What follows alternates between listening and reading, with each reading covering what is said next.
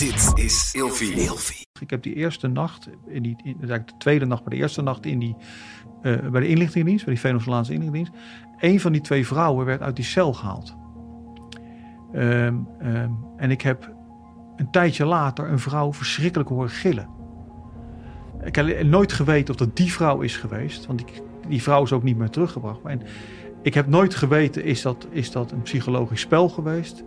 Is ze verkracht? Is ze mishandeld? Wat is er gebeurd? Maar dan, dan zit je daar en dan. Uh, uh, ik had twee hele sterke emoties. Van de ene van boos, je blijft met je fikken van een vrouw af. Je wilde helpen. Dat kon natuurlijk helemaal niet, maar dat gevoel had ik. En het tweede gevoel was, en dat was misschien nog wel een, een, een heftiger gevoel, angst van ben ik de volgende? En wat, wat gaan ze met me doen?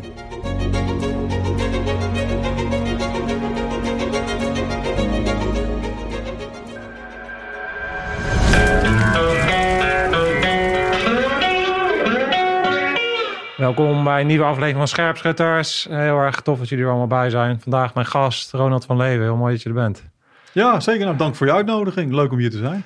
Je bent uh, oud-marinier, 18 jaar bij het Korps Mariniers gezeten, bijna 19. Ja, klopt. En daarna bij de politie gegaan. Ja. Maar de reden dat jij bij mij op de radar kwam, want wij hebben elkaar net gemist. Want volgens mij ben jij in 2000 weggegaan bij het Korps Mariniers. En ik ben in 2002 opgekomen. Ja. Dus uh, ligt dat wel. Ik zag, ik zag op Instagram wel dat er mensen jou kenden. Uh, die al langer bij de baas zaten. Dus dat is altijd wel grappig om, uh, ja. om te zien. Maar de reden dat, dat jij bij mij op de radar kwam, is omdat jij inmiddels ook auteur bent. Ja, je hebt uh, twee hele mooie boekjes geschreven in een hele korte tijd ook nog eens een keer. Even kijken of jullie dat zo, ik dat zo zien. Um, dit, is het eerste boek, dit is het eerste boekje. Overleven in Kosovo. En het, tweede boekje is uh, Complot. Net andersom. Andersom? Ja, net andersom. En je hebt deze als eerste geschreven? Ja, Complot heb ik als eerste geschreven. En uh, ook in de tijd is eigenlijk dit uh, langer geleden dan dit. Hè? Want het zijn waar gebeurde verhalen. Ja, het eerste boek Complot in Venezuela is op waarheid gebaseerd. Ja. Waarbij ik ook dingen eromheen heb geschreven, zeg maar, interpretatie. En het tweede boek, uh, Overleven in Kosovo, is echt waar gebeurd. Ja, ja. Nou, mooi. De klas, dat, uh, dat, dat is ook iets wat je hele leven is bijgebleven. Omdat je daar in Kosovo ook je vrouw, uh, je huidige vrouw ja, ja, zeker. Ja, ja, ik kom al ruim twintig jaar in, in Kosovo. Eigenlijk vele fases in het land meegemaakt. Van oorlog tot wederopbouw en tot hoe het nu is. En daar altijd een, een rol in gespeeld als, als professional, zeg maar. Ja. ja. Nou, mooi en bijzonder ook. Ik ben heel erg benieuwd naar jouw verhaal. En nou ja, zoals de kijkers inmiddels weten, laten we eens even starten. Want uh, wie ben jij en uh, waar kom je vandaan en hoe ben jij uiteindelijk bij het korps terechtgekomen? Ja, nou Ronald van Leeuwen is, is de naam. Ik word in april 59 lentes, jong zeg ik altijd. Ehm, ik ben op 17 jaar leeftijd bij het korps gegaan opgegroeid in, in Den Haag. Mijn vader was een Nederlands-Indië-veteraan. ik had een hele lieve vader, maar hij was wel getraumatiseerd door, door Nederlands-Indië. ik kan me geen nacht herinneren dat hij niet gilde. Dat was in zijn onderbewustzijn. En als hij als die moe was, gilde hij drie, vier keer per nacht. En als hij uitgerust was, was het één keer per nacht. Ik denk later nog wel eens terug aan mijn moeder, die daar altijd naast gelegen heeft. Uh, mijn vader wist dat zelf niet. Dat was een hele lieve, lieve zachtaardige man. Maar ergens zat toch iets, uh, iets onverwerkts in hem wat s'nachts, uh, s'nachts eruit kwam. Dus toen ik net 17 was en naar het Korps Mariniers wilde, ja, dan vond hij dat toch wel lastig. Hij wilde mijn droom ook niet tegenhouden. En toen de tijd, ik was nog geen, geen meerderjarig, dus hij moest ook tekenen voor mij. Dus dat, dat deed hij ook. Maar ik hoor hem nog zeggen, en dat zal ik ook nooit vergeten, van, van jongen, ik hoop niet dat je hetzelfde mee gaat maken als ik heb meegemaakt. Nou ja, ik ben in 81 bij het korps gegaan, dus de jaren 80 was, uh, was vooral uh, heel veel trainen, heel veel opleidingen en heel veel feestvieren. ja, ja. Uh, de jaren 90 kwamen de uitzendingen. Cambodja heb ik helaas gemist, heb ik altijd jammer gevonden. Toen zat ik net drie jaar op Antillen. Ook een goede tijd gehad zijn we nog bezig geweest om vanuit Antillen. Maar toen heb je dus andere avonturen beleefd. Want dat is ook de tijd dat je dit hebt meegemaakt. Nee, dat of was dat nee, een andere. Nee, nee, nee. Cambodja-tijd was mijn drie jaar uh, uitzending, zeg maar. Oh ja. En het eerste boek was mijn eerste uitzending uh, als jonge marinier van 20 jaar. In 1984 is dat geweest. Oh, dat is eerder 84, geweest. 85. Ja, Ja. ja. ja. Ja, en toen, ik heb altijd beide boeken, eh, complot en, en overleven, heb ik altijd in mijn hoofd gehad van ik wil dat een keertje op papier gaan, uh, gaan zetten. Ja. Uh, maar ja, altijd druk, uh, uh, werk, gezin, nou je kent het wel. Dus het was er nooit van gekomen. En toen brak de pandemie uit. En ik werk op een internationale afdeling bij, bij de politie. Dus wij trokken veel mensen terug naar Nederland toe. Wij konden zelf niet meer reizen, of heel beperkt. Dus ik had eigenlijk veel meer tijd. Had ik, had ik, het was thuiswerken eigenlijk voornamelijk. Dus ja, door de, door de tijd en de energie ook die ik toen had, ben ik gaan schrijven. Ah, ah mooi dat het dan zo Ja, dat viel samen. Ah. Ja.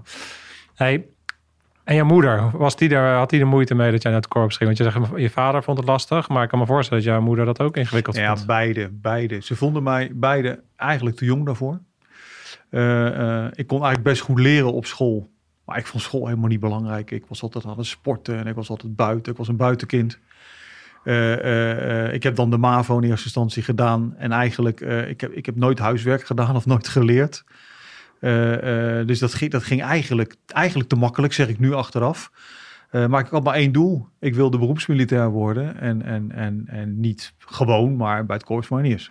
En kan je nog herinneren waar dat zaadje dan geplant is? Want je vader was dus iemand die denk ik niet veel praten over de dingen die hij heeft meegemaakt. Dus komt het wel van daar vandaan of is het ergens anders ontstaan, denk je? Nou ja, weet je, mijn vader sprak niet over Nederlands-Indië, maar wel over de Tweede Wereldoorlog. Oh ja. Hij had alle boeken van Dr. de Jong, uh, alles wat verscheen over de Tweede Wereldoorlog. Mijn vader heeft door de oorlog nooit opleidingen kunnen, daan, kunnen doen.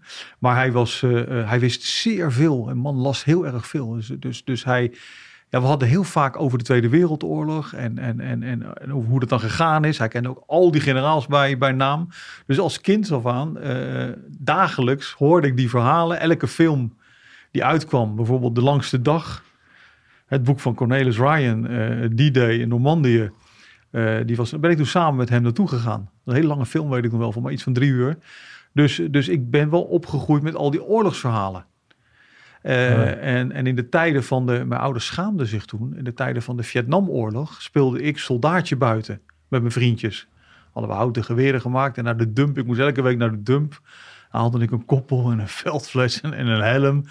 Uh, uh, ja, en heel Nederland leek tegen de Vietnamoorlog te zijn. En ik liep helemaal uitgerust dan als, een, als een soldaat door het, door het Westbroekpark in, in, in, in Den Haag. Dus ik was er altijd mee bezig. Soldaatje spelen. De, de militaire romantiek heb ik altijd aangetrokken. Ah, mooi ja. Ja, ja wat grappig. Want wij spreken elkaar net. We zijn dus bijna in dezelfde buurt opgegroeid. Ja. We zijn allebei Ja. Hagenees. Uh, jij in, uh, in de Bomenvruchtbuurt. En ik meer richting Kijkduin. Maar ja, ik, kwam, ik had ook allemaal eh, vrienden en vriendinnen daar uh, in die buurt. Uh, dus, leuke buurt. Ja, ja. Dat is mooi. En uh, ik speelde ook heel veel in de, in de duinen. Ging je daar Ja. ook wel reg regelmatig Ja, heen? zeker, Ja. zeker. Hutten, hutten bouwen. en- Hutten bouwen, ondergrondse hut hadden we daar Ja. Ja, van alles. Ja, heel herkenbaar. Ja. Grappig. Hey, en toen uh, vanuit de, de Haagse uh, straat Schoffie, oorlog spelend, ja, kwam op een gegeven moment die... ze- En waarom ben je op je zeventiende, omdat het gewoon toen de eerste mogelijkheid was dat het kon, zodra het kon, ben je, ben je gaan aanmelden? Ja, zodra het kon. Eigenlijk. Ja. Je moest natuurlijk je diploma hebben, je middelbare schooldiploma. Dus dat had ik. Eh, ik was 16 toen ik, eh, toen ik gekeurd werd. En toen de tijden de Hollandse Rading, we waren met, eh, met 100 jongens, er werden er drie van goedgekeurd. Dus ja, ik was natuurlijk ook wel trots dat dat, dat gelukt, gelukt was. En ik weet wel, mijn ouders hadden een beetje, die waren natuurlijk ook wel trots. Maar ook zoiets van, We hadden eigenlijk gehoopt dat hij afgekeurd nou werd. ja, die had eigenlijk gedacht, oh, dat, dat die keuring gaat niet lukken. En ik weet later is ook wel eens verteld van, nou, we hadden ook wel zoiets van die opleiding. Je bent sowieso jong, ga je dat wel redden daar? Dus die, die, nou ja, uiteindelijk is dat allemaal gelukt. Ja. Maar zij, eh, ja, ze hebben daaraan moeten wennen. Maar er was ook wel natuurlijk wel trotsheid, hè? Ja. Dat, je, dat je zo bij het korps zit. Dat, dat hadden ze ook. Ja. Hey, want wa- wa- was jij eh, vanuit welke sport was jij sportief? Deed jij al iets? Eh, was je daarmee bezig met sporten? Ja, ik, ik heb heel veel sporten gedaan. Later ook sportinstructeur bij het korps eh, geworden. En eh, ja, jeetje, van, van atletiek tot, eh, tot zwemmen, eh, judo, jiu-jitsu, van, alles, van alles gedaan. Ja, Dat is grappig, hè? Want ik- Als ik naar mezelf kijk als sportman, heb ik dat ook. Van ja, als, ik ben eigenlijk ik ben niet super sterk. Ik ben ook niet enorm. Ik ben nergens super goed in, maar ik ben zo'n onwijze allrounder. Ik kan eigenlijk alles wel redelijk goed. Zeg maar, ben je ook zo'n soort sportman? ja precies. Ja, Ja, ja, ja, ja. werkt toch wel goed bij het korps, hè? Als je gewoon alles een beetje kan. Nou, zeker wel echt een generalist, zeg maar. in werk trouwens ook altijd geweest. Weet je, dan werd ik weer uitgenodigd door een vriend om te gaan squashen. Nou, die deed alleen maar squashen, dus ik verloor dan wel. Maar ik kon hem toch wel aardig partij geven. Of ik werd weer uitgenodigd van, eh, van joh, eh, gaan, we, gaan we naar de dojo? En dan kon ik ook wel aardig, eh, uiteindelijk, mijn zwarte band gehaald. En, en ook niet de intentie van ik moet nou wedstrijden en dingen. Maar wat jij zegt, ik vind het leuk om, om, om heel veel dingen redelijk te, te- ja, te beheersen. Ja, snel. Je leert ook snel. Je Ja. pakt dingen op en je hebt ook al een beetje aanleg voor. En dan, Ja. en dan ja, precies. Dat is herkenbaar. Ja. Ja. Hey, en, ehm, want jij bent eigenlijk eh, ook commando geworden. Dus als je, je bent eh, eerst, hoe was het voor jou om marinier te worden? Was het zwaar? Was eh, heftig? Ja, ik vond het een zware opleiding. Het was negen maanden toen de tijd. Eh, ik had wel tijd nodig om daarin te groeien. En achteraf zeg ik wel eens tegen, me, tegen mijn, eh, mijn familie thuis van... joh, ik was een soort kindsoldaat. en en eh, eh, ja, ik vond dat wel heel zwaar. Maar ik, ik, ik hield er ook van. En ik weet je, je wordt steeds sterker en je gaat het spel steeds beter begrijpen. Je wordt vaardiger. Dus ik groeide in die opleiding, maar die eerste maanden vond ik wel heel zwaar. Ja, ja, Ja. zeker, zeker. Nou ja, maar toch dus ook een bepaalde mate van doorzettingsvermogen. Waar heb je dat vandaan, denk je? Je doorzettingsvermogen? Nou, wel opgevoed van als je ergens aan begint, maak je het af. Dat heb ik nog steeds. Weet je, als je iets doet, als je het doet, doe het goed. Dus dat zit, dat zit wel in mijn systeem, in mijn opvoeding. En bij het korps, nou ja, dat weet je zelf. Hè, dan wordt dat nog eens een keertje eh, eh, uitvergroot en aangescherpt. Eh, en ik weet nog, ik, toen ik de mariniersopleiding na negen maanden af, was ik nog 17. En toen kwam eh sergeant-major Burgers van het hoofdkwartier. Para, commando, dispatcher. Die man had zijn hele pak vol. Daar keken we heel erg tegenop toen de tijd. En dan zaten we in die grote filmzaal. En dan las hij de namen op. En wat je ging doen na die opleiding.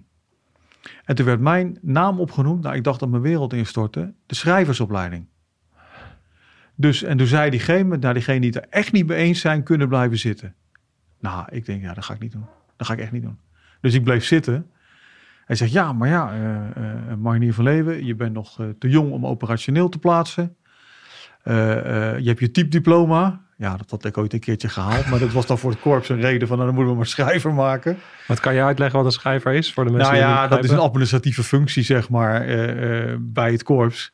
Ja. Daarvoor was ik geen marinier geworden. Nee. Dus nou, die man zag dat ook wel. En hij zegt, ik hoop niet dat je er ooit spijt van eh, krijgt. Hij zegt, ik ga je plaatsen bij de 11e infanteriecompagnie als machtschutter. Kijk, En eh, eh, ik, hoop niet, ik hoop dat het je lukt. Hij zegt, ik wil je nooit meer terugzien om een andere functie. Ik zeg, nou, dank u major, dat, dat gaat goed komen. Dus ik mocht toen nog niet naar het buitenland die eerste maanden. Ehm, ik heb toen meteen de Vierdaagse gelopen. Met twee oefenmarsen en de Vierdaagse lopen. En ik heb, ik heb nooit blaren gehad en zo. En ik loop al wel redelijk makkelijk. Dus eh, ja, toen had ik al zoiets van... Eerst hadden ze zoiets van, nou, wat moet dat jochie eh, hier zo? En eh, maar ja, die Vierdaagse ging eigenlijk hartstikke goed. Ik werd uiteindelijk niet mag schutter, maar mag helper. Dat is eigenlijk nog erger, want dan heb je al die kleren zo mee, mee te dragen. eh. Ja. Maar toch een hele goede tijd bij de 11e gehad. En daar ben ik eigenlijk enorm gegroeid. Koudweertraining, parachutist, heel veel oefeningen gedraaid. En ik had al iets van vier, vijf verzoeken ingediend voor de commandoopleiding. En elke keer werd het weer afgewezen door, ik weet niet meer waarom, nee, dat was er gewoon geen plek. En uiteindelijk dacht ik, had ik uitgerekend, ik denk, nou, er zit nog één opleiding voordat ik naar de West ga. Ik denk, ik ga het weer proberen. En toen had ik nog bij de toelichting gezet, ik wil mijn inzetbaarheid voor het korps mariniers vergroten. een of andere mooie zin had ik Ja, erin ja. En toen moest ik bij een personeelsofficier komen. Ja, ja, ja, wat moet ik daar nou mee? eh? Ik nou, ik zeg, u zou me toch wel een grote dienst bewijzen als u mij plaatst. Hij zegt, oké. Hij zegt, je wordt geplaatst in de preco. pre-commandoopleiding. Pre-commandoopleiding. Hij zegt, als het niet lukt, hij zegt, heb je een probleem. Dus ik zei, nou, ik ga mijn uiterste best doen, major. Was een major, was dat volgens mij. En toen werd ik in de, in de, in de, in de preco geplaatst. En ik weet je, ik had daar net twee jaar eh, elfde compagnie op zitten. Dus dat kan je in de context even uitleggen voor mensen die dat niet begrijpen? Ik kan me voorstellen Ja. als je niet echt in die wereld Ja. zit. Ja, van oké, je bent marinier. Waarom ga je dan commando worden? Er zijn toch verschillende eenheden. Hoe werkte dat? Ja, weet je, het was toen de tijd, was dat zeg maar toch een beetje marinier plus. En voor mijzelf, en laat duidelijk zijn, voor mij is ieder marinier hetzelfde. Maar het, was wel, het had wel een bepaalde status. En heel veel jonge gasten wil, wilden dan toch die opleiding doen. Alleen de mariniers zeiden van nou, als we je naar Roosendaal, naar het Korps Commando troepen sturen, willen we zeker weten dat je het haalt. Dus er was een preselectie. En die was, die was zwaarder dan de commando Ja. bij jezelf. hè? Ja, die was drie weken. En dat was inderdaad een hele zware opleiding. Dus je ging helemaal totaal los, ging je, begon je nog aan die commandoopleiding. Ja. Maar toch, ehm, weet je, ik, ik was een stuk sterker geworden. Ik begreep de humor, eh, het spel. Eh, ik was best wel vaardig. Ik was fysiek en mentaal zat ik goed in elkaar. Dus eh, die opleiding ging, nou makkelijk, dat zal ik zeker niet zeggen. Maar ik bedoel, ik was niet blessuregevoelig. Dus eigenlijk ben ik die opleiding goed, goed doorgekomen. Ja, en weet je, koester ik dat ook en kijk ik daar met veel trots op terug. Ja, nou, dat zijn allemaal mooi van die dingen. Ja, als je bij het, voor de mensen die dat niet begrijpen, bij het korpsmaniers, weet je, de koudweertraining is belangrijk, de bergtraining, eh, dat, je, dat je je hert haalt, eh, je, Ja, eigen, ja, je eigen hert. hert op je pak. Ja. Eh, de commandoopleiding heeft gewoon een bepaalde status. Je wil je parachutewing, wil je op je, het zijn van die basisdingen die je gewoon wil aftikken. Ja, zeker. ja. Ja. En ik had altijd wel ambitie, weet je. Ik- Dan wilde ik wel allerlei dingen doen. En eh, nou ja, dat is, dat is gelukt. Ja, Ja. ja. gaaf. En, en je zei het al, daarna ging je dus eh, naar de West voor een term. Ja. Zoals we dat noemen. Dus dan werd je geplaatst op Aruba of op... eh, Op eh, Curaçao, Curaçao. Parera. Ja, bij het tweede peloton. En dat was toen de tijd, eh, eh, ik denk dat we met eh, vier, vijf beroeps waren. En de rest was allemaal dienstplichtig. ja. Maar dat waren natuurlijk eh, de, de, de betere dienstplichtigen. Want die, die, die moest ook gewoon een mariniersopleiding doen. Het was wel een wat kortere opleiding, maar ook gewoon een hele zware opleiding. Dus de jongens die als dienstplichtig bij het korps kwamen, dat, die waren nou, eigenlijk net zo goed als de, als de beroeps. En er zijn ook heel veel die vanuit beroeps daarna gewoon zijn gebleven. Ja, zijn Ja. jongens of KV, kort verbander of beroeps. Dus ik heb met die, met die en nog steeds heb ik daar maatjes tussen zitten uit die tijd van toen. En eh, ja, het is een enorm leuke tijd geweest. Ja, want een andere, dat is wel grappig. Ik zat die twee boekjes te lezen en eh, even te bekijken. er zijn een aantal rode lijnen, dat is natuurlijk avonturen. Maar ik zie ook wel dat je van vrouwen hield en een beetje gekkigheid. Eh, Klopt dat? Ja. ja, dat is wel een valkuil geweest in mijn leven. Dat is nu wel anders trouwens. Maar ja, in die tijd was, was het feest vieren. En we zeiden altijd bij het korps, hè, hard werken, hard ontspannen. ja. Dus hard trainen en, en daar was ik hartstikke fanatiek en eh, eh, zeer gedisciplineerd in alles. Ik ben bijvoorbeeld nooit echt een drinker geweest. Sporten was altijd wel mijn ding. Eh, maar eh, ja, uitgaan en stappen, eh, waar ter wereld dan ook, dat, eh, ja, dat, daar kon ik erg van genieten. Dus lekker daar. En, want, want daar begint ook een beetje het avontuur. Hè? Complot in eh, Venezuela. Eh, kan je eens omschrijven waar het allemaal begon? Vanuit de West. Jullie Ja. zaten daar. Ja. En toen? Ja, we zaten in de West. eh, ergens oktober 1984 begon de term. En toen met een aantal vrienden, eh, twee dienstplichtige mariniers en een jongen van de vloot. Er waren mijn maatjes eigenlijk daar, daar ging ik altijd mee stappen.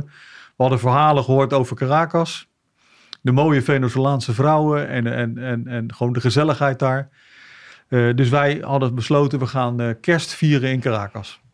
Dus met de kerst zijn we daar naartoe gegaan. En dat kostte ook heel weinig. Vliegen, we zaten in het Hilton Hotel. Eh, en we hebben daar toen een dag of vijf, zes, denk ik, gezeten met z'n vieren. Ja, weet je, en, en daar kwamen natuurlijk meiden tegen. En die namen mee naar het hotel, feestjes op het hotel. En het was één dolle boel. En een van die meiden, ja, daar had ik wel een leuke klik mee. En later dacht ik eh, van, nou, ik ga nog een keer terug alleen. Ik moest eerst nog naar een jungle training in Frans Guyana. En daarna had ik me voorgenomen, neem ik een weekje verlof. En ga ik een weekje alleen naar dat meisje in, eh, in Venezuela. Eh, dat werd door iedereen afgeraden. En je moest toen de tijd eh, NAVO-reispapieren, hè, dat ging dan via de, de, de MARIT, Marine Inlichtingendienst. Dat moest dan getekend worden. Van waar zit je, waar ga je naartoe, et cetera. En toen zeiden ze ook van, joh, is het nou wel verstandig om alleen te gaan? Ja, want kan je, kan je eens kort... Het is natuurlijk 84. Ja. Kan je even heel kort eh, de context in dat gebied en in de wereld schetsen? Waarom Venezuela, wat voor een positie had Venezuela en wat voor een soort land was het? Ja. Kan je dat een beetje... Nou, het was een politiestaat. Het werd geleid door het, eh, door het leger, zeg maar. Dus een militaire eh, leiding had het land. Eh, Venezuela, en het is nog steeds trouwens zo, hè, die, die vonden dat de, de, de Curaçao, Bonaire, Aruba, dat die schiereilanden waren, op hetzelfde continentale plaat lagen als, als Venezuela. Dus die vonden al dat ze daar recht op hadden. Dus dat lag altijd gevoelig. En het land zelf, ja, het was een dictatuur. Alleen, ehm, wij brachten natuurlijk ook geld in het laadje. Dus over het algemeen werd er wat oogluikend naar ons gekeken en, en werd er meer toegelaten dan, dan, dan voor de eigen mensen. Ja. Eh, eh, dus ja, ik, ik heb me daar toen ik met de jongens was de eerste keer niet onveilig gevoeld. Nee. nee want ik, ben, ik heb zelf tien weken in Venezuela rondgereisd. En ik kan me nog heel goed herinneren, toen ik in de taxi zat, dat er ook allemaal allerlei verhalen waren over dingen. En ik weet wel dat toen ik bij mijn hotel aankwam, stonden er meteen lui met afgezaagde shotguns voor de deur. Er, Ja. hangt wel een bepaalde sfeer, zeg maar. Het is Ja. wel een Zuid-Amerikaans land, maar het is, het, is, het is niet... Ik heb me ook niet super onveilig gevoeld, maar het was ook niet dat ik dacht, nou, het is hier super Nee. gezellig of zo. Nee, nee, je moet wel opletten. hè. Eh, eh, S'avonds eh, in het donker niet meer over straat. Dan Nee. is alles met taxis. Ik weet nog, toen we aankwamen de eerste keer... Het was heel erg warm en er was, zat geen airco in die taxi. Ik zat achterin, dus ik had dat raampje open gedaan. Begon die taxichauffeur te schelden tegen me.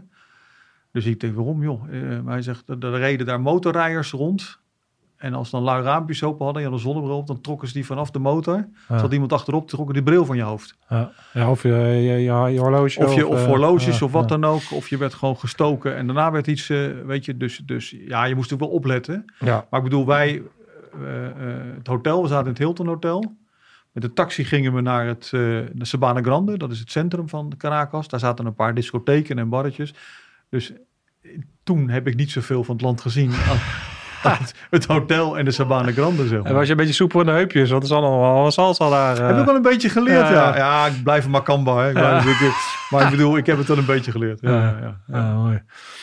Hey, en dat weekend was voorbij, dus jullie hebben mooi uh, gekkigheid gehad daar. Ben je Ja. toen weer, eh, je bent naar de jungle training gegaan en, en toen dacht je van, het bleef toch wringen en je dacht, ik wil dat meisje nog een keer eh, Klopt, zien. klopt. Ik had toen in februari de eerste vooropleiding ook en een training op Curaçao. En toen zijn we drie weken naar het Franse Vreemdelingenlegioen in eh Frans-Guyana, Kourou zijn we geweest. Oh ja, Mooi, mooie training trouwens. Ik was zes kilo lichter. Ik had al niet zoveel vet toen, maar ik was wel zes kilo lichter naar die jungle training. ja, ja. Eh, en ik had daarna inderdaad een weekje verlof. Ik denk dat heb ik wel verdiend. En toen ben ik inderdaad eh, alleen daar naartoe gegaan. En zij woonde in Punto Fijo.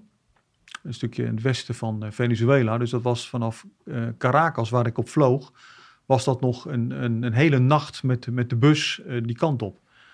Dat zijn Dus- ook helse tochten met van die airco's eh, die dan eh, staan te loeien. En, Ja, eh, dat is ja, verschrikkelijk, hè, die, die reizen daar. Ja, ja, en ik sprak toen nog geen Spaans, weet je. En niemand spreekt Engels daar. Dus dat was wel handen en voeten, zeg maar. Ja. Maar aangekomen in Punto Figo, alleen tot mijn verbazing, zag zij het allemaal wat serieuzer dan ik.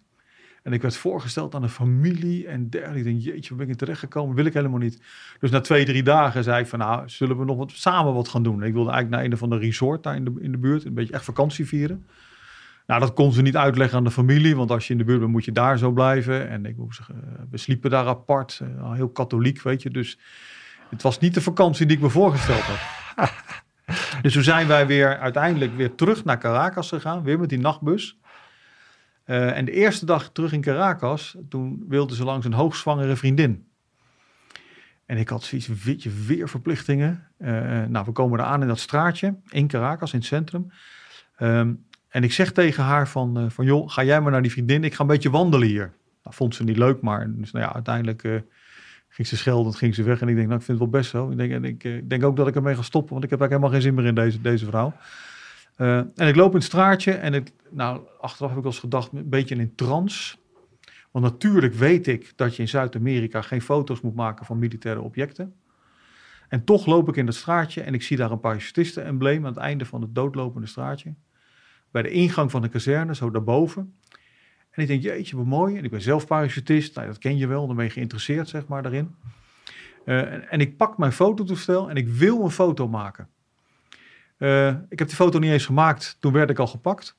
En het was wel heel apart. Ik heb later wel eens gedacht, werd ik al gevolgd? Want ik werd ingesloten door een patrouille achter mij.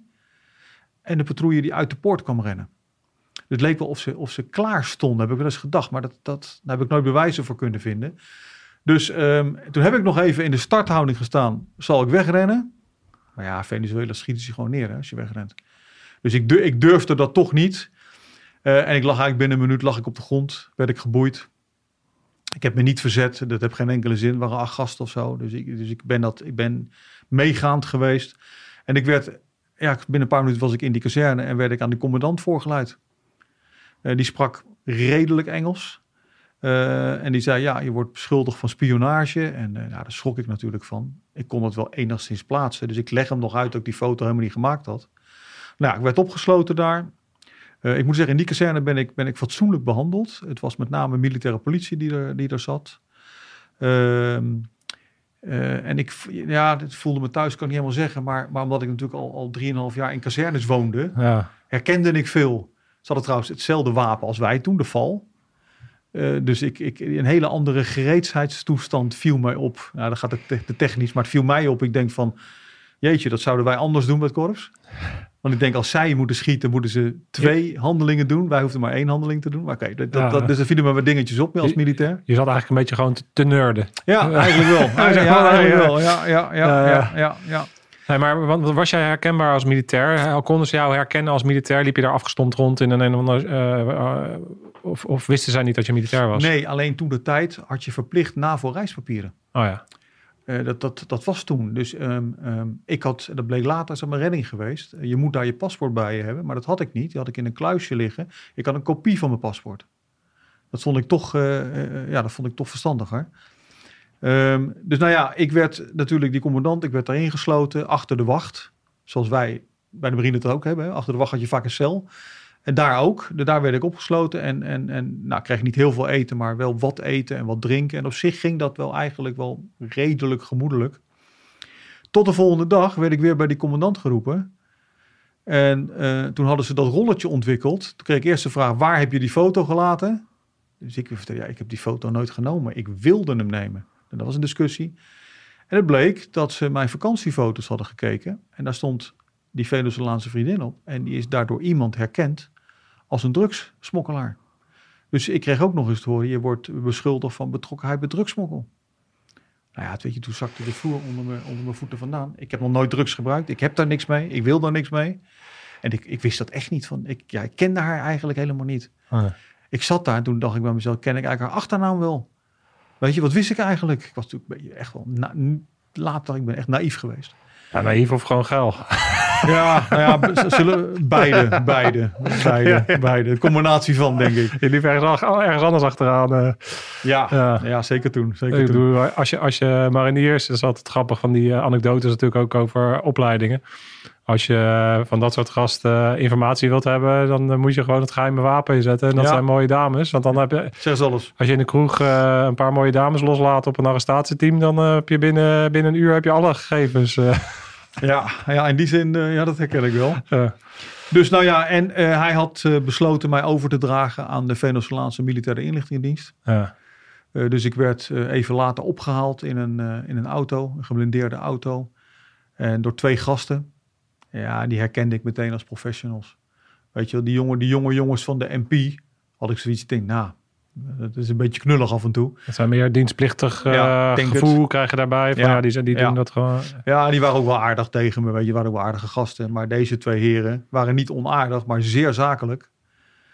En eh, daar waar ik eh, eh, bij die jonge gasten, toen ik de eerste keer die handboeien omkreeg, dan kan je met je, als je met je pols een beetje naar buiten draait, kan je nog een beetje, een beetje ruimte creëren. Ja. Dat je niet te strak zit, zeg maar. Die, eh, die, eh, dus daar had ik niet zoveel last van die handboeien. En deze gasten, die legden het zo ontzettend strak aan.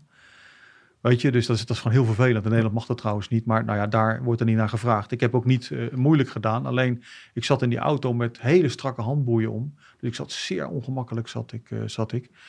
Eh, en daar heb ik, nou, ik denk een uurtje ongeveer in die auto gezeten. En toen werd ik afgevoerd naar een, ja, een, een landhuis, noem ik het, met een grote muur eromheen. In de bergen buiten Caracas. Wat gaat daar je om als je Ja, in de ik- taxi zit? Nou, ik was wel bang. Ik was echt bang. Ik was echt bang, weet je. Ik was, eh ik was 20 jaar. Eh, ik werd afgevoerd. Ik kwam daar bij die, eh, die poort aan. En ze liepen daar met honderden wacht. En ik dacht bij mezelf, ik denk, ja, kom ik hier ooit nog uit? Dus dat is voor mij wel, als het over stresshantering gaat, heb ik daar wel een lesje gehad van, van, van hoe kan je jezelf gek maken. En, en ik moet wel zeggen, door terug te pakken op je trainingen, heb ik de controle teruggekregen over mezelf. Maar die, die, was ik, die begon ik even kwijt te raken daar in het begin. Ja. Ja, Was is- paniekgevoel. En, ja. dingen, ja, de, de scenario's in je hoofd, eh je je, maakt het, je jezelf gek zelf. maken. Ja, en, eh, ja. Want En daar, later heb ik de theorieën daarover geleerd en, en, en weet ik een beetje hoe het werkt. En toen heb ik op een gegeven moment eh, wel terug kunnen grijpen op militaire trainingen van doe het met de feiten en omstandigheden die er zijn. En concentreer je daarop, focus.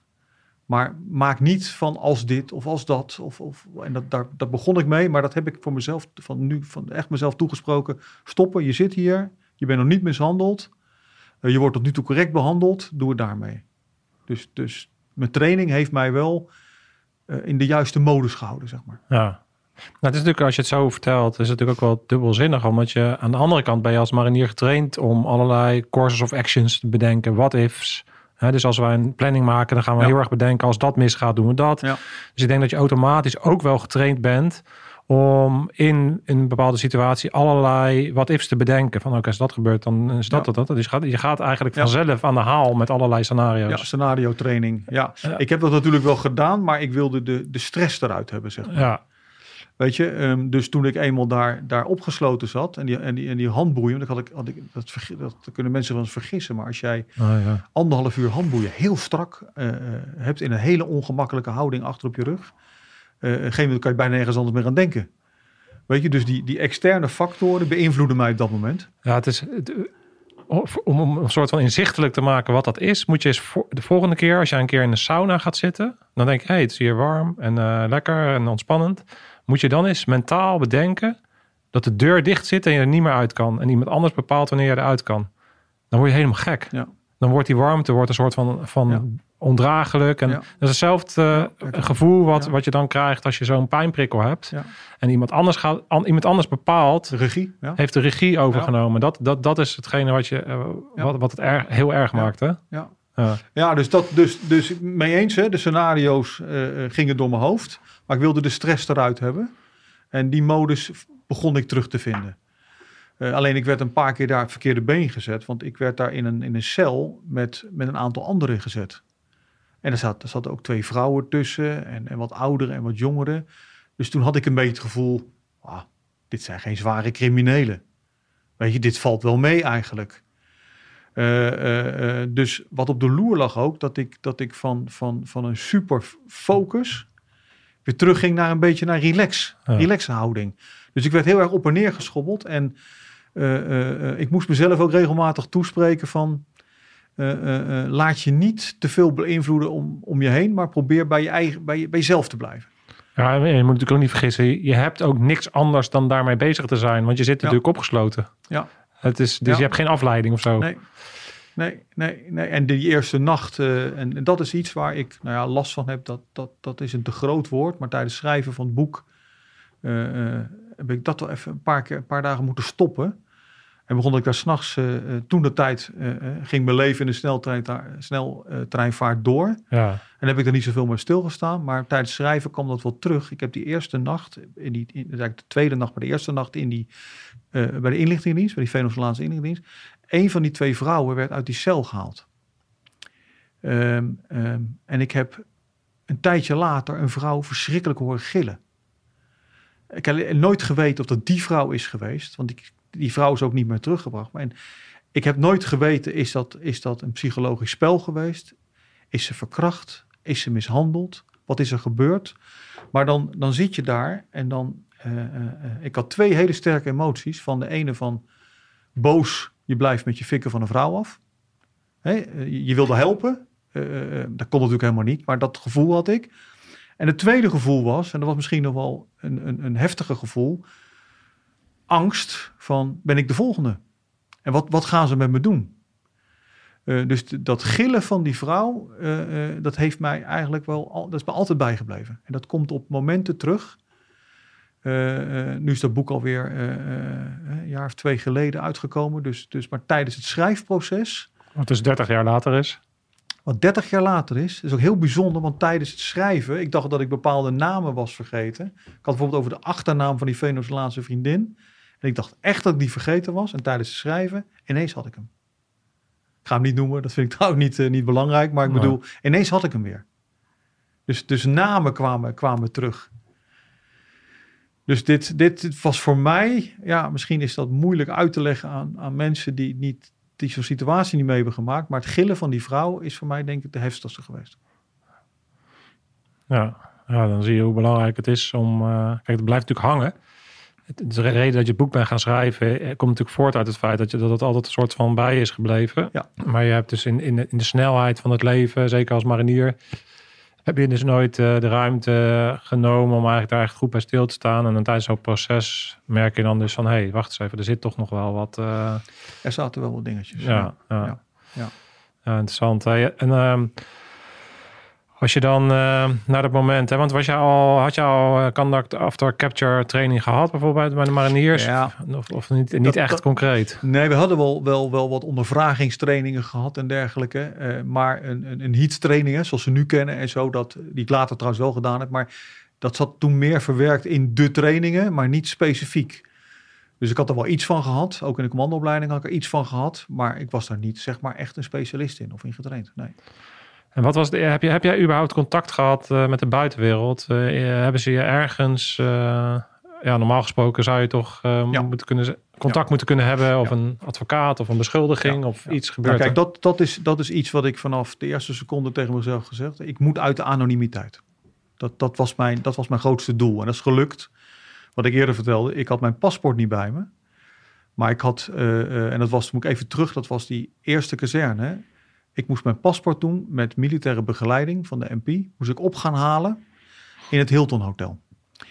De bedrijfsleider van het Hilton Hotel was een Belg. Uh, en ik wist dat zij kantoortje achter de receptie zat. En dat was een hele aardige gozer. Uh, uh, want toen ik eerder met vrienden was, hadden we eens een praatje met hem. En weet je, die wist wat er allemaal gebeurde in zo'n hotel met al die meiden. En die deed ook niet zo moeilijk. En die vond eigenlijk, wij, wij waren wel feest aan het vieren, maar we vernielden de boel niet. We vielen geen mensen lastig, weet je. Dus hij was eigenlijk die mariniers die daar steeds kwamen. Hij vond dat ook wel leuk. Uh, dus die man, nou, ik, ik kende hem niet persoonlijk, maar altijd even als hij me zo even een kort praatje. Dus ik had me voorgenomen, dat paspoort, ik denk, wat er ook gebeurt.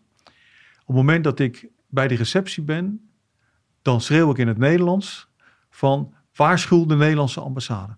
En ik denk, als hij er niet zelf komt kijken, dan zit hij in zijn kantoortje. Dat had ik gehoopt. Uh, nou, tot mijn grote uh, opluchting, uh, ja, dan word je naar binnen gevoerd, je bent gehandboeid, er staan MP'ers om je heen. dus iedereen kwam kijken daar in die lobby. En hij kwam zijn kantoortje uit en liep naar de receptie. Dus ik zag hem meteen en ik schreeuwde meteen naar hem, waarschuw de Nederlandse ambassade voor me. ik kreeg toen meteen een flinke, flinke douw van achteren, want ik moest mijn mond houden. Maar dat is voor mij het moment geweest dat ik uit de anonimiteit ben gekomen. Dus dat is, dat is een, een, een, een hele goede zet geweest. Ja, dat zijn de momenten waarop je dus terugvalt op je training. Dat je gaat bedenken, hey, wat, uh, wat zijn mijn mogelijkheden? Wat zijn de ja. scenario's? Waar liggen mijn kansen? Ja. Dus uh, dat, dat is... Uh... Ja, ja. Dus dat en, en, en later heb ik gedacht, um, um, Nederland en Venezuela hadden er geen baat bij dat er een of ander verhaal naar buiten zou komen dat de Nederlandse marinier gevangen zat Kijk, een strafbare feit is een strafbare feit, hè, dus dat kan. Maar marteling of verdwijning, wat gebeurde daar zo? Uh, dat konden beide landen niet gebruiken, omdat, uh, um, als je terug gaat in de geschiedenis, de Shell olieraffinaderij op Curaçao zou verkocht gaan worden in die periode aan een Venezolaans bedrijf. En Venezuela wilde weer de, uh, gebruik gaan maken van de natuurlijke haven op Curaçao waar de ruwe olie natuurlijk geraffineerd gaat, uh, gaat worden. Dus er lagen allerlei, dat is ook een beetje mijn aanname geweest. En, en, in het boek omschrijf ik dat dan, wat ik denk dat dat van invloed is geweest. En dat is dan wel nog steeds mijn mening, dat, dat, dat niemand er baat bij had dat er met mij iets zou gebeuren daar. Nee, kijk, dat was ja natuurlijk ook jouw beweegreden om dan over de ambassade te starten zodra je uit anonimiteit bent. Gaan de krachten spelen die, de, die, die daartoe kunnen leiden ja. dat je uiteindelijk ja. vrij komt. Kijk, wat die ambassade daadwerkelijk wel of niet gedaan heeft, dat is van mij interpretatie geweest. Um, um, ik heb dat geprobeerd uit te zoeken, dat, dat, dat lukt niet.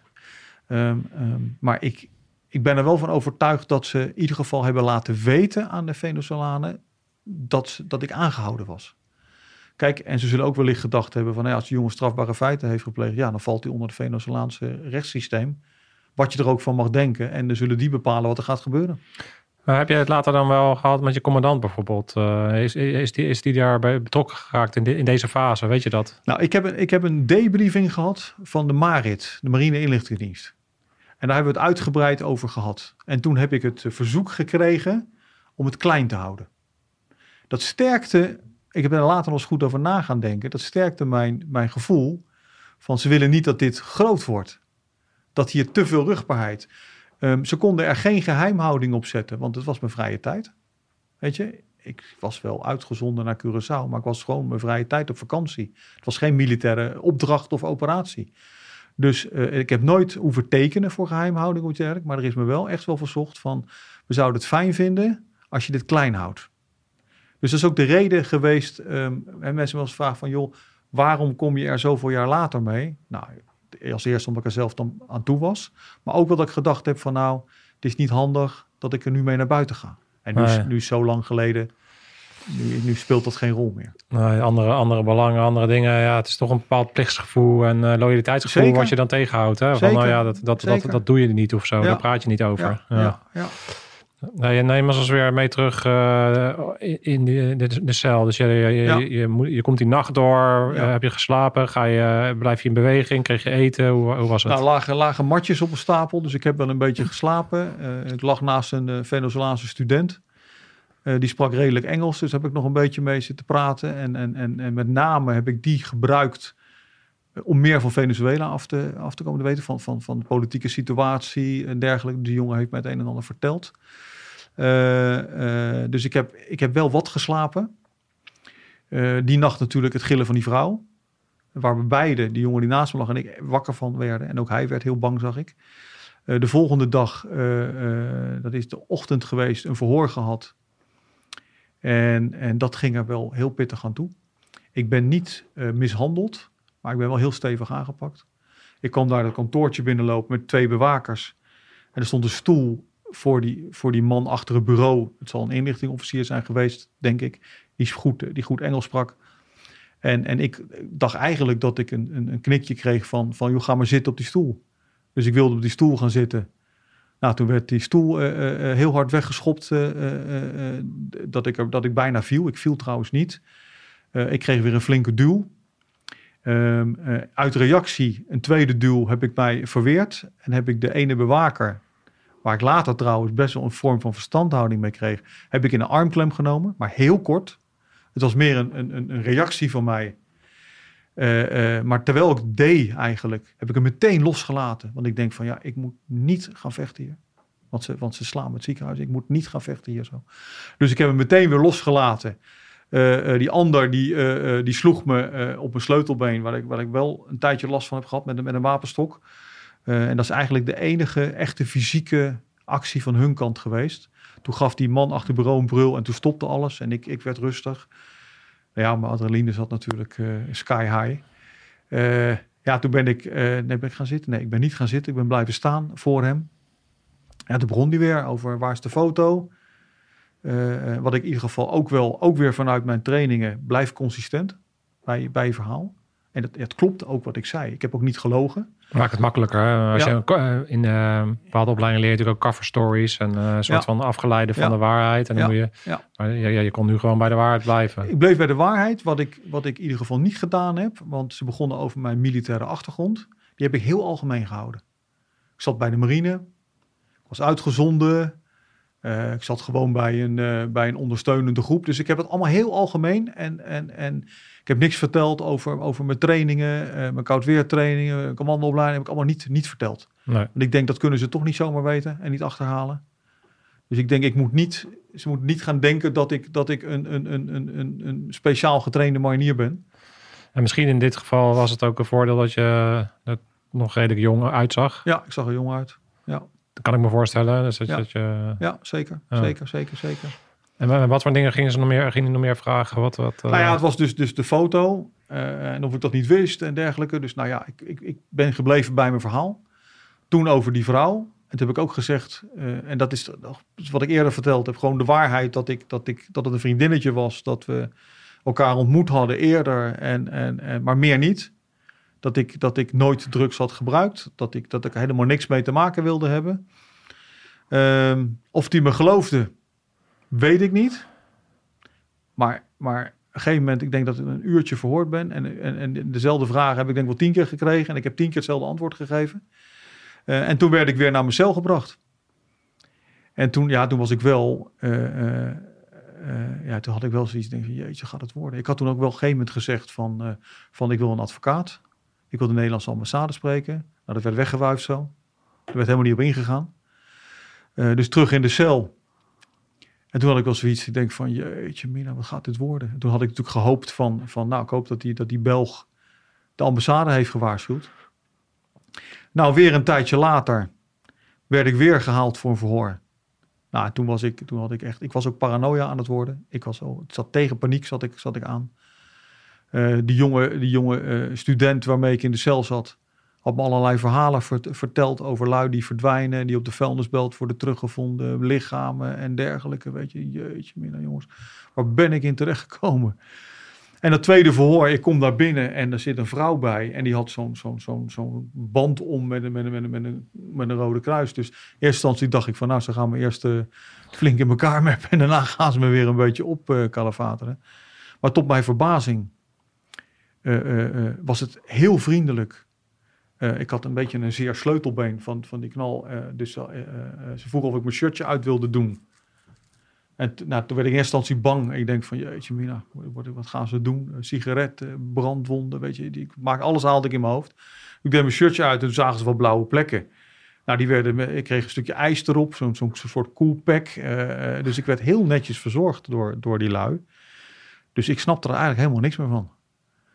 Eh, eh, er werden zelfs excuses aangeboden. Het was een misverstand en eh, ik zou worden vrijgelaten. En of ik nog vragen had. Ja, ik had honderd vragen, maar ik durfde er geen één te stellen. Ik denk, ik ga niks meer vragen.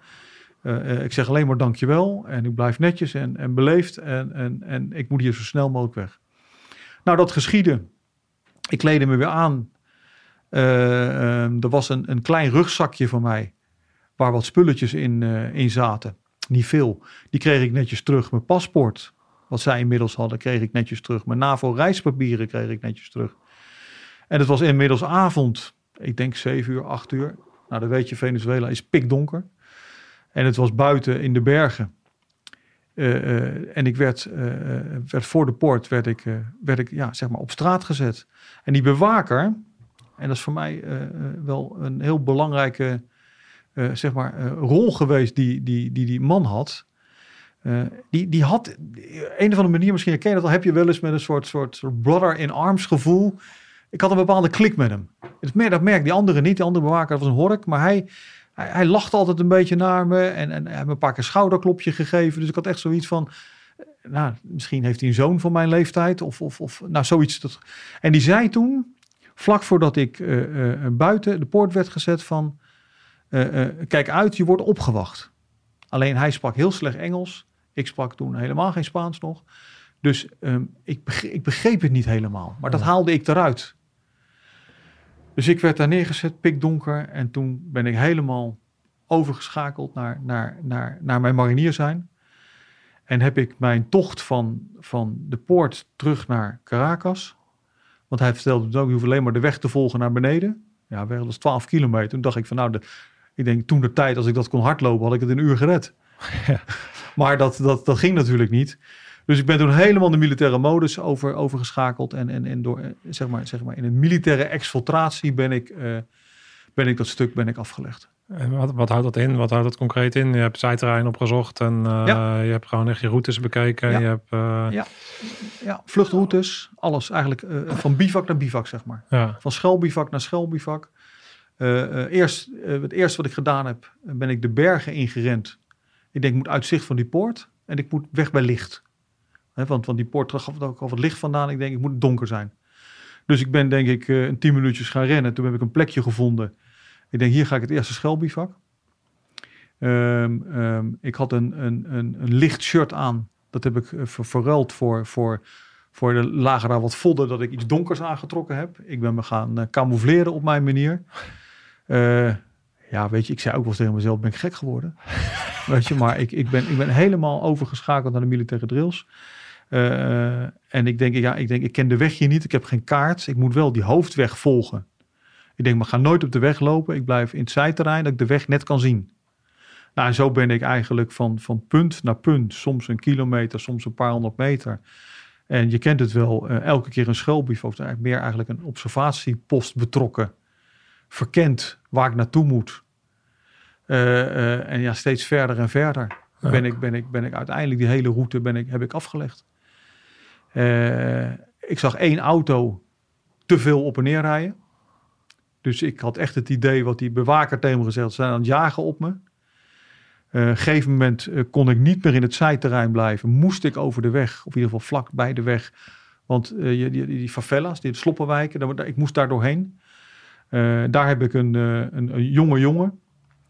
Nou, uitgeschakeld klinkt misschien een beetje te, maar ik heb hem wel eh, aangepakt in de zin van voor mijn overtuiging was hij daar, stond hij op, op wacht om te kijken van, van, van, van, ze wisten natuurlijk, als ik verrader zou zijn, moest ik die weg volgen.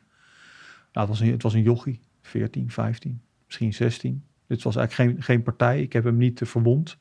Maar ik heb hem uh, uh, zodanig zijn keel dichtgeknepen met een verwurging van achteren dat hij buiten westen ging.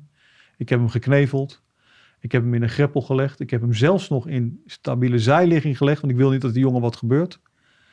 Um, um, ik heb hem daar afgecamoufleerd, maar zodanig. Ik denk als het daglicht wordt, dan gaan ze hem vinden. Ik wilde niet, ik denk als de jongen nooit meer vinden, dan gaat hij alsnog dood hier in die greppel. Dat, dat wil ik niet meer geweten hebben. Uh, ja, en zo ben ik, ben ik uiteindelijk verder gegaan. Op een gegeven moment kwam ik in een duurdere uh, uh, woonwijk aan. Dat ken je wel van Venezuela. Daar heb je van die particuliere bewakingsdiensten. Die rijden daar met die auto's, rijden gewapend rond. Ja. Heel veel licht. Dus ik, kon, ik durfde niet door die wijk. Ben ik om die wijk gegaan. En uiteindelijk ben ik een, een, een soort, soort sloot heb ik getroffen. En ben ik denk ik, nou, ik weet niet hoeveel, maar ik denk dat zeker drie, vier kilometer door die sloot ben ik gegaan. En dat was het laatste stuk eigenlijk. En dat bleek bergwater te zijn. Het was zodanig koud dat ik nog bijna tegen onderkoeling aankwam te zitten. Um, later heb ik wel eens gedacht, was het allemaal nodig geweest? Had ik in een taxi kunnen stappen? Ik weet het niet. Ik durfde het niet. Ik was par paranoia, ik was bang. En terugvallen op mijn militaire vaardigheden gaf mij, gaf mij ook wel een zekerheid, uh, gaf mij een veiligheidsgevoel. En ik was goed getraind. Ik, ik, was in uitstekende conditie. Ja. Dus ja, zo, zo is het gegaan. Ja, het is allemaal makkelijk praten voor je. Voor je, iemand die hier naar zit te luisteren, die kan denken: uh, ja, waarom doe je zo overdreven? Waarom uh, dat arme jongetje, die had er niks mee te maken? dat soort. ik kan me voorstellen dat mensen er allerlei dingen over zouden kunnen oordelen. En jij zal dat misschien over jezelf ook wel gedaan hebben. Uh, wat je nu ook zegt, van is, was het overdreven. Maar ja, in dat moment, uh, naar wat jij uh, bent, wat, wat je is overkomen en in ja. welke belevingswereld je daarin zit, ja, dan ga je gewoon doen wat je moet doen om te overleven. En dat was voor jou teruggaan op je militaire skills. Dat geeft je een bepaalde zekerheid. Dat geeft, geeft je een bepaald gevoel van dat je weer controle krijgt. Je, hebt, klopt, je hebt controle, jij weet uh, hoe je moet bewegen in het, ja. in het terrein. Jij weet dan, dan, dan heb je ja. weer een stukje. Want normaal gesproken als marinier, je bent natuurlijk altijd opgeleid in een, in een groepsetting. In de zin van je, die onoverwinnelijkheid, dat gevoel van onoverwinnelijkheid.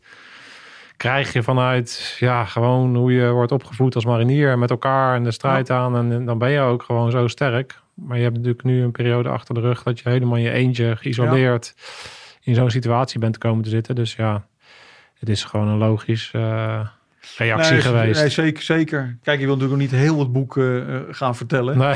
Want, ik, ben al, ik ben al heel, heel, ja. heel, heel, heel end. Maar ik heb zelfs nog ook een Caracas een observatiepost betrokken. Ik durfde niet terug naar het hotel, want ik denk, als ik gevolgd word, dan weten ze ook dat hotel. Dan had ik nog bagage staan, heb ik niet mee teruggenomen, durfde ik niet te pakken.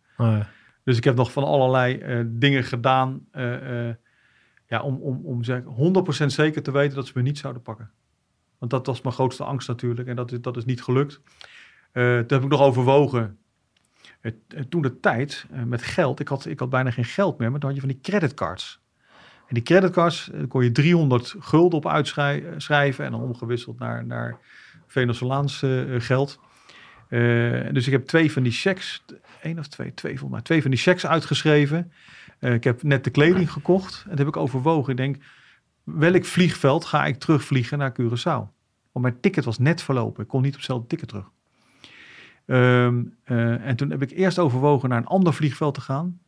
Maar ik denk van ja, die kleine vliegvelden val je nog veel eerder op. Dus uiteindelijk heb ik toch Caracas Airport gedaan. Uh, nette kleding. Uh, toen had je niet van de registratiesystemen zoals nu. Dus ik had er maar op gehoopt dat ik niet geregistreerd stond. Of dat ze me toch nog alsnog zouden moeten pakken. Ondanks dat ik vrijgelaten was. En dat is, dat is goed gegaan. Ja. Ja. Ja, natuurlijk met alle. Want je zit natuurlijk tot, tot het moment dat je daadwerkelijk uh, weer op veilige bodem in Curaçao landt. Zit je gewoon nog met, alle, met, met, dat, met al die gedachten. En als je in de taxi zit ja. naar, naar, het, ja. naar, de, naar het vliegveld, denk je, ja. oh, en dan. Ja. Ja. En je weet het, hè, de meeste uh, uh, uh, gewonden en mensen sneuvelen Het laatste stukje. Het laatste stukje. Terug bij je eigen linies, omdat mensen makkelijker worden en, en, en of militairen, weet je. Dus eh, nou, dat soort drills heb ik mezelf, staat er zo diep bij mij, dat ik, dat ik ondanks de vermoeidheid en de uitputting waar ik op een gegeven moment ook wel tegenaan zat, dat ik zo alert ben gebleven. Eh, eh, eh, en al die lessen die, ik- die ik allemaal gehad had in de loop der jaren, die kwamen allemaal steeds weer terug. Al mijn instructeurs hoorde ik, hoorde ik zeggen, let daarop, let daarop, de vluchtroutes, et cetera, et cetera. Nee, en, eh, sorry, ik moet deze even een klein Ja. zo... Hey, en werd je in de taai getrapt door je buddies toen je terugkwam van Ja, gast, wat de Ja, fuck, hé. Ja, tuurlijk. Als je de lul... ik, ik durfde in eerste instantie niet alles te vertellen. Eh, eh, eh, ik had natuurlijk meteen niet dezelfde. Dan de volgende dag had ik een debriefing bij de MARIT, heette dat toen, Marine Inlichtingendienst. Nou, toen kreeg ik ook het verzoek nog eens van, van hou het klein. Oh ja, ik had trouwens geluk dat mijn peloton net op bivak was. Oh ja. Dus die waren niet binnen. Dus dat, ik heb een goede nacht kunnen slapen. En kwam de volgende dag, die dag daarna, dan weet ik niet precies, kwamen ze binnen. Ja, dan kreeg ik, hoe is het geweest? En je zou toch eerder terugkomen? Ik was een dag te laat of zo, volgens mij. Ja. Dus ja, ik heb, het, ik heb het verhaal, ik heb het wel verteld tegen mijn vaste buddies, maar ik heb het wel in hoofdlijnen gehouden. Ja. Eh, eh, en ik is wel leuk, ik ben twee of anderhalf jaar geleden met eh, mijn maatje Mink Belen. Dat is een dienstplichtige marinier toen de tijd en nog steeds een van mijn betere maten. Ben ik terug geweest naar Curaçao. Oh, mooi. En heb ik een signeersessie gehad in de Bruna, het Toko Suikertuintje op Curaçao. En die verkopen ook het boek. Oh ja. En dat vond ik heel erg leuk. Ik heb nog een radio-interview daar, eh, daar gehad. En eh, Mink en ik zijn de plekken van toen een biertje wezen drinken en even wezen kijken. Dus dat was, dat was heel erg leuk. In het boek heet hij Jack. Maar ik mag zijn volledige naam eh, mag ik, mag ik noemen van hem. Oh, ja. Mooi. Hey, en een andere vraag die ik zou hebben is van dat meisje van je. Die dacht, waar is die vent gebleven? Nooit meer gezien. Heb je ooit nog contact gehad? Ach ja, dat is, oh, daar, daar, zit ook nog, daar zit ook nog een verhaal aan vast. Ja. Ehm, ik kreeg geen een brief. Ze had natuurlijk mijn postadres. En in, in, mijn, in mijn naïviteit had ik het postadres van Curaçao, maar ook van toen de tijd mijn ouders in Den Haag nog gegeven. Dus ik heb een tijd lang brieven gekregen. En een gegeven moment kreeg ik, eh, kreeg ik brieven van eh, ik ben zwanger. En eh, dus er is nog, nou ja, uiteindelijk bleek dat allemaal niet zo te zijn. Ik heb haar nog wel eens teruggeschreven. zij heeft wel, want dat weet ik nog, toen ik werd aangehouden, bij die eerste kazerne kwam zij naar buiten rennen, want ze hoorde natuurlijk hoop lawaai. Dus zij heeft mij in de kazerne zien gaan. Oh, oké. Ik heb haar daarna nooit meer gezien. Uh, dus ook zij heeft misschien wel iets gedaan. Of de ambassade, dat weet, dat weet ik niet. Dat weet ik niet. Of misschien als zij die achtergrond had van drugskoerier, dat heb ik ook nooit zeker geweten. Dat zeiden ze daar wel, maar is het zo? Dan kan ik me ook voorstellen dat ze heel snel terug naar Punto Vigo gegaan is en daar niks meer mee te maken wilde hebben. Ja. Ik, ik weet het niet. Nee. Nou, ja, allemaal aannames. Ze hebben natuurlijk heel veel blanks in die zin. Van ja, ja, er zijn allemaal dingen om jou heen gebeurd. Ja.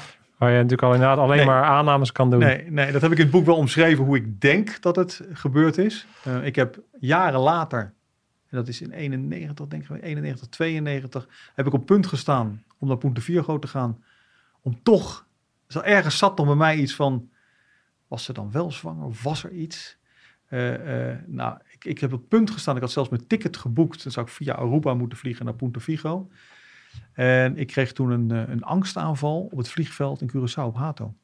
Ik parkeerde mijn auto en ik wilde mijn tas eruit halen. En ik had tot, tot, tot die tijd nooit last van gehad. En toen ik mijn tas uit de auto haalde, begon ik te beven, begon ik te zweten. En toen besloot ik, ik ga niet meer naar Venezuela. Ik durf niet meer. En dat is me goed geweest ook. Ik heb later wel nog eens via de sociale media, heb ik haar gevonden. Heb ik foto's bekeken. Heb ik, ik heb haar nooit trouwens uh, als, als, als vriend uh, aange, aangetikt of wat dan ook. Maar ik heb wel een beetje haar sociale omgeving bekeken. En nooit indicatie gevonden dat er iets is. Dat een kleine Ronald rond. Nee, nee, nee, nee, nee, nee, nee, nee, nee. nee. Nee, dat zou ik best wel erg vinden trouwens, als dat zo zou zijn. Ja. Dan zou ik ook wel verantwoordelijkheid willen nemen. Maar ik heb daar nooit iets van, van, van teruggevonden, nee. Wauw, ja, bijzonder uh, verhalen dan, hè? Uh, oude Rammer uh, is eentje Venezuela. Ja, kijk, ik kan er nou redelijk makkelijk over vertellen. Ja. Maar wat je zei, hè, er zijn momenten geweest, hè, die, die gillende vrouw, mijn auto parkeren op Hato, vliegveld Curaçao en dan daar naartoe gaan en toch een angstaanval krijgen. ook trouwens, ook jaren later ging ik naar Brazilië toe, naar de, de tocht in de, in de Amazone maken. Uh, uh, en toen ineens werd die vlucht omgeleid. Toen vloog ik via Caracas. En was ik geen transfer, Maar moest je een dag wachten op een aansluiting naar Manaus, Brazilië. Dus stond ik ongewild ineens weer in het centrum van Caracas. En moest ik daar de grens over. Maar hun registratiesysteem, ik werd niet herkend of zo. Maar toen was ik, ben ik ook bang geweest. Ja, natuurlijk. Ja. Want toen stond ik ook ineens in een land waar ik eigenlijk niet meer wilde zijn. Ja. ja, begrijpelijk. Ja. Nou ja, wat heeft het jou gebracht om het op, op te schrijven? Ben je er nu relaxed, eh, relaxed in? Merk je dat het... eh word jij wel eens uh, s'nachts wakker zoals je, zoals je vader dat deed? Heb je daar last van gehad? Eh, ben je oké? Nou, in het schrijfproces een beetje last af en toe. Uh, mijn vrouw zegt nu wel eens dat ik, dat, ik, dat ik best wel eens heftig droom. Maar ik kan niet de link leggen. Ik heb dan... Meestal zeg ik, dat is een stomme droom over stomme dingen die, die, die geen verband daarmee hebben. Ik heb niet dat idee. Nee. Nee, ik ben ooit wel eens uh, uh, onderzocht op PTSS. Ook met mijn achtergrond bij, uh, bij wat ik gedaan heb allemaal bij Defensie en politie. Maar er is nooit geen ene indicatie van gevonden. En dat heb ik zelf ook totaal niet dat gevoel. Nee. Um, het is een heftige ervaring geweest um, die er zeker zit. Maar volgens mij heb ik het wel een, een plek gevonden. Um, misschien is er soms wat overalertheid bij bepaalde dingen. Maar dat is dan kortstondig, vind ik zelf. Ja dat, misschien herken je dat ook wel. Dat ja, ja, natuurlijk, ja, ja. Maar, maar niet, niet in de zin dat ik er wakker van lig. Nee, nee. natuurlijk niet. Nee. Ja, gelukkig. Nee, want ja, je, je hebt natuurlijk... Uh, kijk, het andere boek gaat natuurlijk over, een heel andere, andere plek. Het overleven in, uh, in Kosovo. Je hebt natuurlijk een enorme, lange, mooie, volle carrière gehad bij het Corps Mariniers. En daar allerlei dingen meegemaakt. En, um, want, want eigenlijk Venezuela stond helemaal het begin van, jou, van jouw loopbaan. En daarna heb je natuurlijk nog allerlei uh, dingen meegemaakt. En heb je een mooie carrière gehad. Hoe, ja. hoe, kijk jij terug? Want je staat natuurlijk ook een beetje aan het einde van jouw uh, actieve... Uh, ja. Of, hoe, hoe, ben je, hoe, ja, hoe kijk jij terug? Even in het kort. Nou goed, goede ja. manier. Jazeker. Kijk, ik heb bijna 19 jaar bij het Corps Mariniers gezeten. Als sergeant van de Mariniers op, op eervolle wijze weggegaan. Ook eigen keuze. Uh, uh, ik had meer ambitie dan ik kwijt kon daar op dat moment. Uh, naar de politie gegaan, politie Haaglanden. Daar na de politieopleiding een, een, een MD, een Management Development traject gedaan. Mogen studeren extern. En alle dingen die ik bij het korps had opgedaan, leerde ik eigenlijk op latere leeftijd de theorieën eromheen. En als het gaat om zelfreflectie, om stresshantering, om, om empowerment. dus, dus ik heb dat ook theoretisch zeg maar beter kunnen begrijpen later. Uh, mooie loopbaan bij de politie gehad. Niet de binding gehad met die organisatie die ik bij het korps had. Maar dat hoor ik van veel oud-mariniers. De korpsgeest zit diep in je systeem. Ja. En dat is goed zo. Dat is goed zo. Ik, ko ik koester het. Um, ik ben tevreden. Ik ben uh, als, uh, als marinier 3 algemeen op 17-jarige leeftijd in de Vergentkazerne begonnen. Uh, ik heb nu een mooie rang bij de, bij de politie. En daar heb ik ook hard voor gewerkt en hard voor gestudeerd. Maar het, is, het, voelt ook als goed. En het voelt ook wel dat ik denk van, nou, de tijd dat ik misschien niet meer voor een werkgever hoef te werken en, en, en wel actief blijf bij dingen, uh, zit daar aan te komen. Uh, ik ben ook uh, ernstig ziek geweest. dat heeft mij ook wel een beetje veranderd. ik heb daar ook wel restschade van, waar ik ook mee te dealen heb. dat lukt, dat gaat goed, maar um, ja, dat, hoe ouder je wordt, dat wordt ook zwaarder. Dus ik moet ook wel beter leren luisteren naar mijn lichaam. Uh, dus alles bij elkaar ja, ben, ik, ben, ik, ben ik tevreden. En heb ik, heb ik de goede keuzes gemaakt. En als, dan denk ik natuurlijk aan Venezuela. Heb ik natuurlijk de verkeerde keuze gemaakt. Maar wel de goede keuzes gemaakt om eruit te komen. Ja, hallo, je, je bent twintig. Uh, Als twintig, uh, onbezonnen. Ja, onbezonnen. Ja. Ik bedoel, uh, dat hoort er ook een beetje bij. Hoort er ook bij, ja. ja, ja, ja dus het gaat er dan ook vooral om wat je eruit haalt en hoe je ermee omgaat. En, en ja, het tweede boek gaat natuurlijk over ook hoe je je vrouw ontmoet in, in, in Kosovo. Dus die wilde, die wilde haren, die ben je gedurende de jaren ook wat meer kwijtgeraakt. Ja. En uh, stabiel en uh, met, je, uh, met je vrouw nog steeds samen? Zeker, zeker. Ja. We hebben twee prachtige kinderen. Um, ik kom nog steeds in Kosovo, zowel beroepsmatig als privé. Voor haar geldt hetzelfde. we hebben daar een huis ook in Pristina. Mijn zoon gaat daar studeren aan de Amerikaanse universiteit na de zomer. Mooi, mooi. Dus we blijven daarmee verbonden. We hebben daar ook heel veel meegemaakt. En nog steeds. Maar um, ja, het is een beetje ons tweede. Het is haar geboorteland, maar mijn tweede land. Ja. Ja. Ah, mooi. vond het heel bijzonder om jouw verhaal zo te mogen uh, horen. Dankjewel voor, voor, je, voor het delen. En, uh, Jij bedankt. En, uh, ja, veel succes met, de, met de nieuwe tijd die eraan gaat komen. En nogmaals, ja, je hebt natuurlijk een, een, een, mooi verhaal kunnen volgen. Maar als je het in detail wil leven, lezen en doe dat vooral. Het, is, het leest lekker makkelijk, een kort boekje. Waarop je ja, in, de, in, de, in het hoofd van een getrainde marinier kan duiken. En kan kijken wat jij daar allemaal weer uit kan halen. En het andere boek is, gaat over Kosovo, overleven in Kosovo. Is uh, ook hartstikke, hartstikke mooi. Dus ik hoop dat we nog uh, meerdere boeken van jou mogen, uh, mogen ontvangen of mogen zien verschijnen. Gaan er nog meer aankomen, denk je? Ja, ik, ik, weet je, ik ben mijn eigen uitgever geworden. Ja. een beetje pech gehad met een uitgever. Maar ja, dat weet je. Nou, ook daar leer je weer van. Dat ook een nieuwe wereld vormen. Ja. En nu via lendia.nl doe, doe ik het zelf. Uh, en dat vind ik ook hartstikke leuk om te doen. Weet je, en ik hoef daar niet rijk van te worden. Maar ik vind het leuk om daarom één te vertellen, lezingen te geven. Dat, daar, daar, daar haal ik veel energie vandaan. Ja. En ik heb zeker plannen voor een, uh, voor een volgend boek. Ja.